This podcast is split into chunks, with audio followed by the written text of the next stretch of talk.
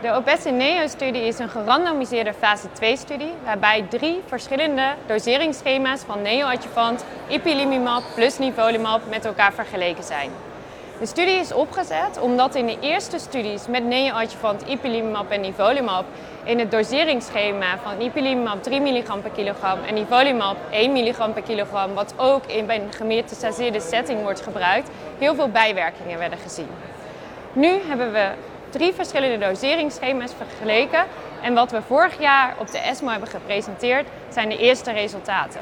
We hebben gezien dat bij het doseringsschema, wat bestaat uit twee kuren ipilimumab 1 mg per kilogram en nivolumab 3 mg per kilogram, de bijwerkingen gereduceerd waren tot 20% ernstige G3-4-toxiciteit. Terwijl de responsrate, dus het aantal patiënten wat een pathologische respons bereikt, nog steeds heel goed was met 77%.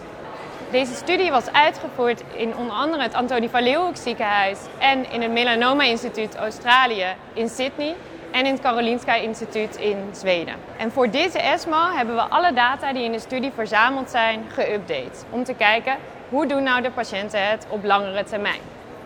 We hebben nu, als we naar de patiënten kijken, gemiddeld een follow-up van 17,7 maanden.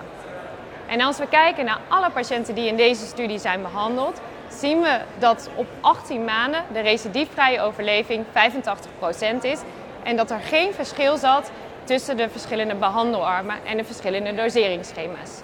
Het is goed om te beseffen dat deze patiënten alleen maar zijn behandeld met twee kuren neo-adjuvante immuuntherapie en verder geen adjuvante immuuntherapie gehad hebben.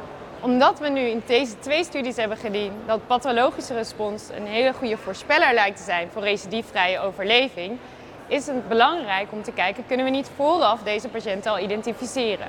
En daarom hebben we in de OPESA-NEO-studie ook naar de biopte gekeken en gekeken naar het RNA-expressieprofiel en de mutational load. Bij het RNA-expressieprofiel en daarbij in het speciaal de interferon gamma signature zien we dat de patiënten die dat een hoge interferon gamma genexpressie hebben, een heel kleine kans hebben op een recidief en bijna alle patiënten een pathologische respons hadden. Ook zien we dat patiënten met een respons een hogere tumor mutational burden hadden in hun biopt vooraf. Dus dit lijken twee goede voorspellende markers.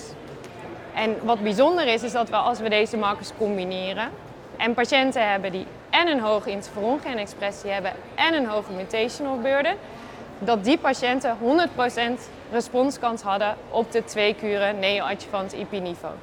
Terwijl de patiënten die een lage tumor mutational burden hadden en een lage interferon genexpressieprofiel, maar 37% kans hadden op een respons.